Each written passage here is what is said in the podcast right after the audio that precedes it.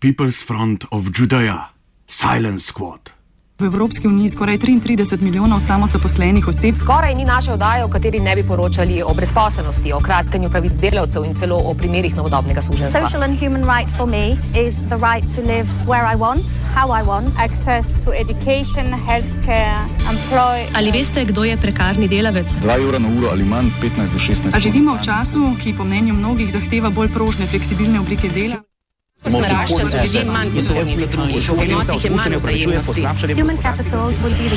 Vedno več podrobnosti o kratenju pravic. Ali veste, kdo je prekarni delavec? Mislim, da je čas, da iščemo novo družbeno ureditev, ker bomo spoštovali sočloveka, vsako živo bitje, ker bomo tovariše drugemu. Side.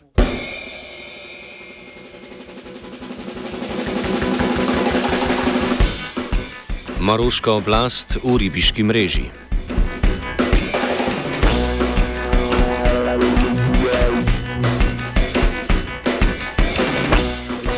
Brutalna smrt maroškega ribiča Mušina Fikrija konec oktobra je bila povod za proteste, ki se že en teden odvijajo po maroških mestih.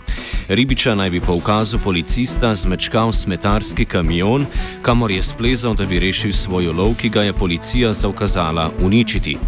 Dogodek je razgalil brutalnost maroških represivnih organov in socialne konflikte maroške družbe. Maroški protestniki so proti vladajoči eliti uperili svoje zahteve po demokratizaciji in ukinitvi neoliberalnih reform.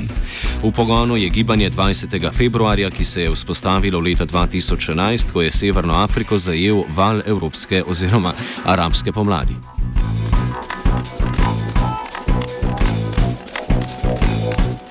Govorimo z novinarjem Habibulahom Mohamedom Laminom z portala Al Monitor, ki nam na kratko pojasni časovnico dogodkov.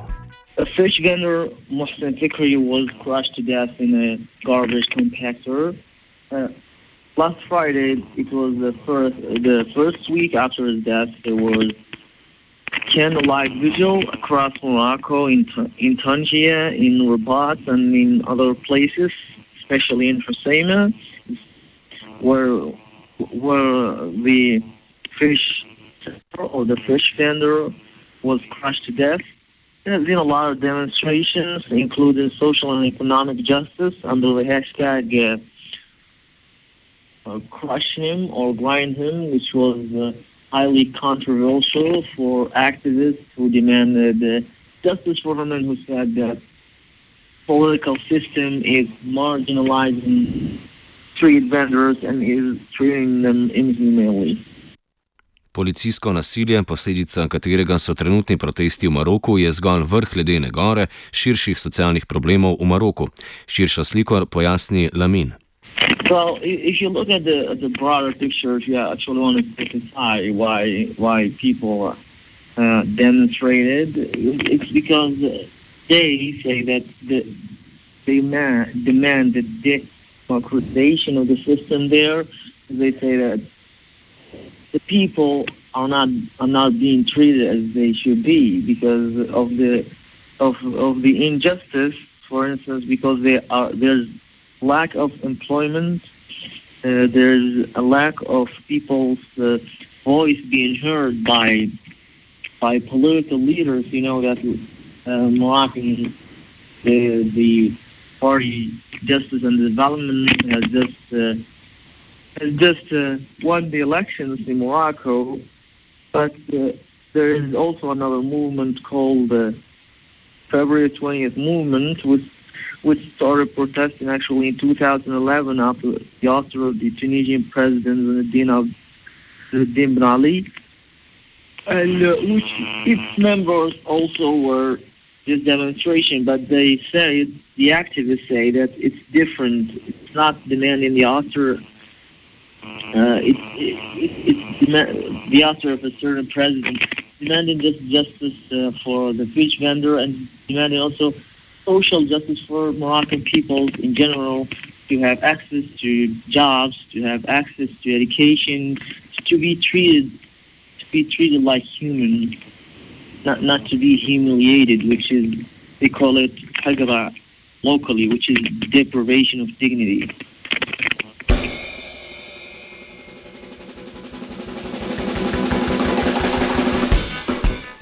Marsikdo je ob Ribičevi smrti potegnil sporednice s pričetkom arabske pomladi, ki se je začela v Tuniziji samo z žigom trgovca Mohameda Bouazizija. Kot omenjeno, se je v maroške proteste vključilo tudi gibanje 20. februarja, ki se je vzpostavilo leta 2011. Yeah, so the 20th, it's still active with activists on the ground organizing demonstrations in the past weeks, uh, protesting against the social injustice. Uh, the movement uh, is very famous in Morocco. Its members has been jailed uh, the past uh, past year, uh, past years, and it has been most of them are being banned from working or either are being threatened to be thrown in jail.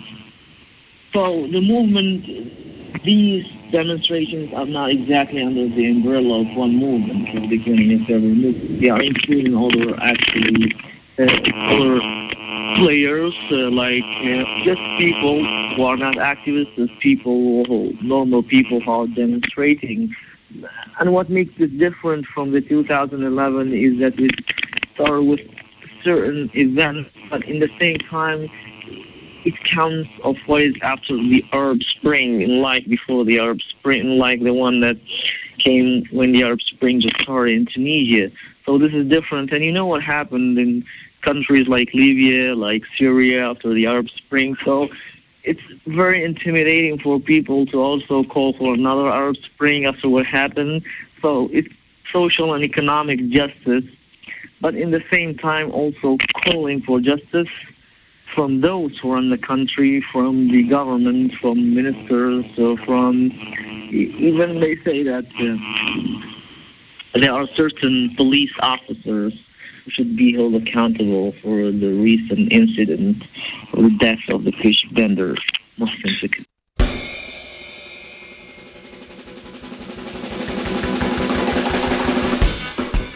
Na kratko smo osvetlili notranjo socialno situacijo v Maroku, a notranja dinamika se močno podreja zunani trgovini in izvozu. Ribištvo v Maroku predstavlja 56 odstotkov kmetijskega izvoza in 15 odstotkov celotnega izvoza.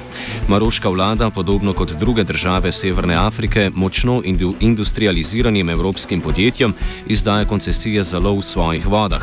Konflikt med lokalnim prebivalstvom in vlado je na dlani, pojasni François Chartier iz organizacije Greenpeace. The point is that on one side you have very industrial uh, fishing companies, um, which are very strong um, capacity in terms of investment, in terms of also political lobby.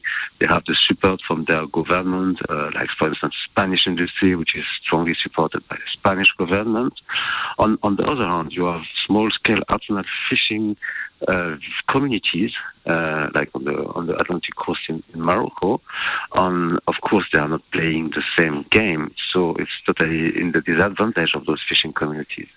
And it's a very unfair situation because um, those fishing agreements between uh, industrial countries or industrial companies on country like Morocco are supposed to be uh, also uh, uh, made to help the development of fishing communities, of the local fishing sector and so on, but it's almost never the case. Drugi problem globalnega ribištva je prevelik ulov. Z rastjo ribiške tehnologije rase tudi ulov, ki je že prehitel zmožnost ribje populacije porasti. Nadaljuje Šrtje.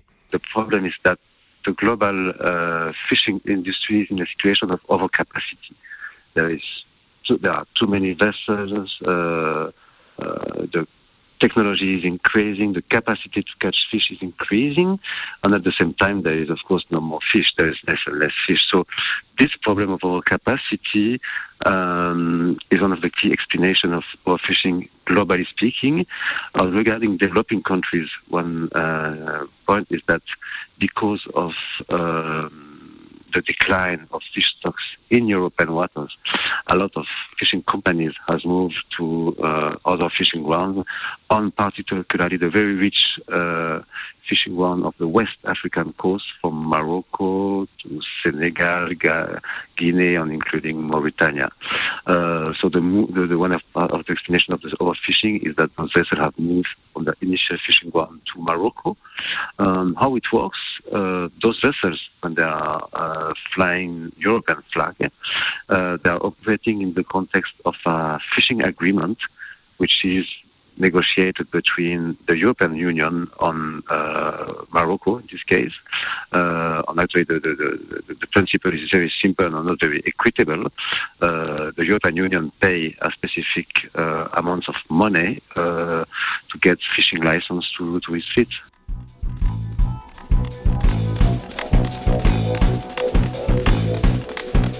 Zahtevki po demokratizaciji družb v Severni Afriki in na Bližnjem vzhodu so marsikje prerasli v hudo nasilje in protestniki oziroma nadprotestniki ali celo v državljanske vojne.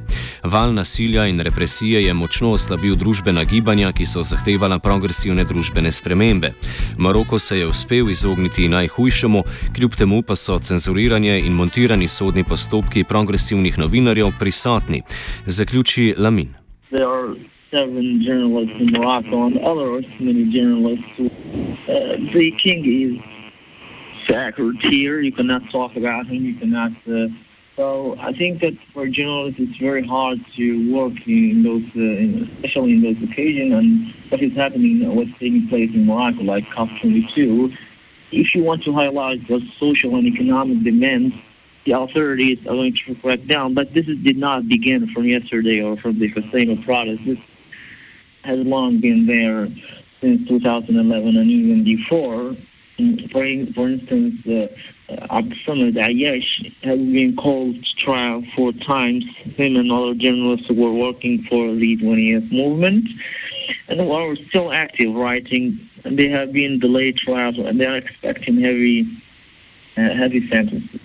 I would like to highlight that uh, demonstrations of protests in Morocco are different from the ones that took place in the Arab Spring, because in the Arab Spring there were people were really thirsty to revolutions, but now what's intimidating people is what happened after the Arab Spring. That's why you are not seeing such flames like rise like what happened in Tunisia and other places, because people are afraid of the repetition of the destruction that place. And this is what the authorities are using in order to calm down, down, the, uh, especially in this critical time, top 22 taking place in Marrakesh, Morocco.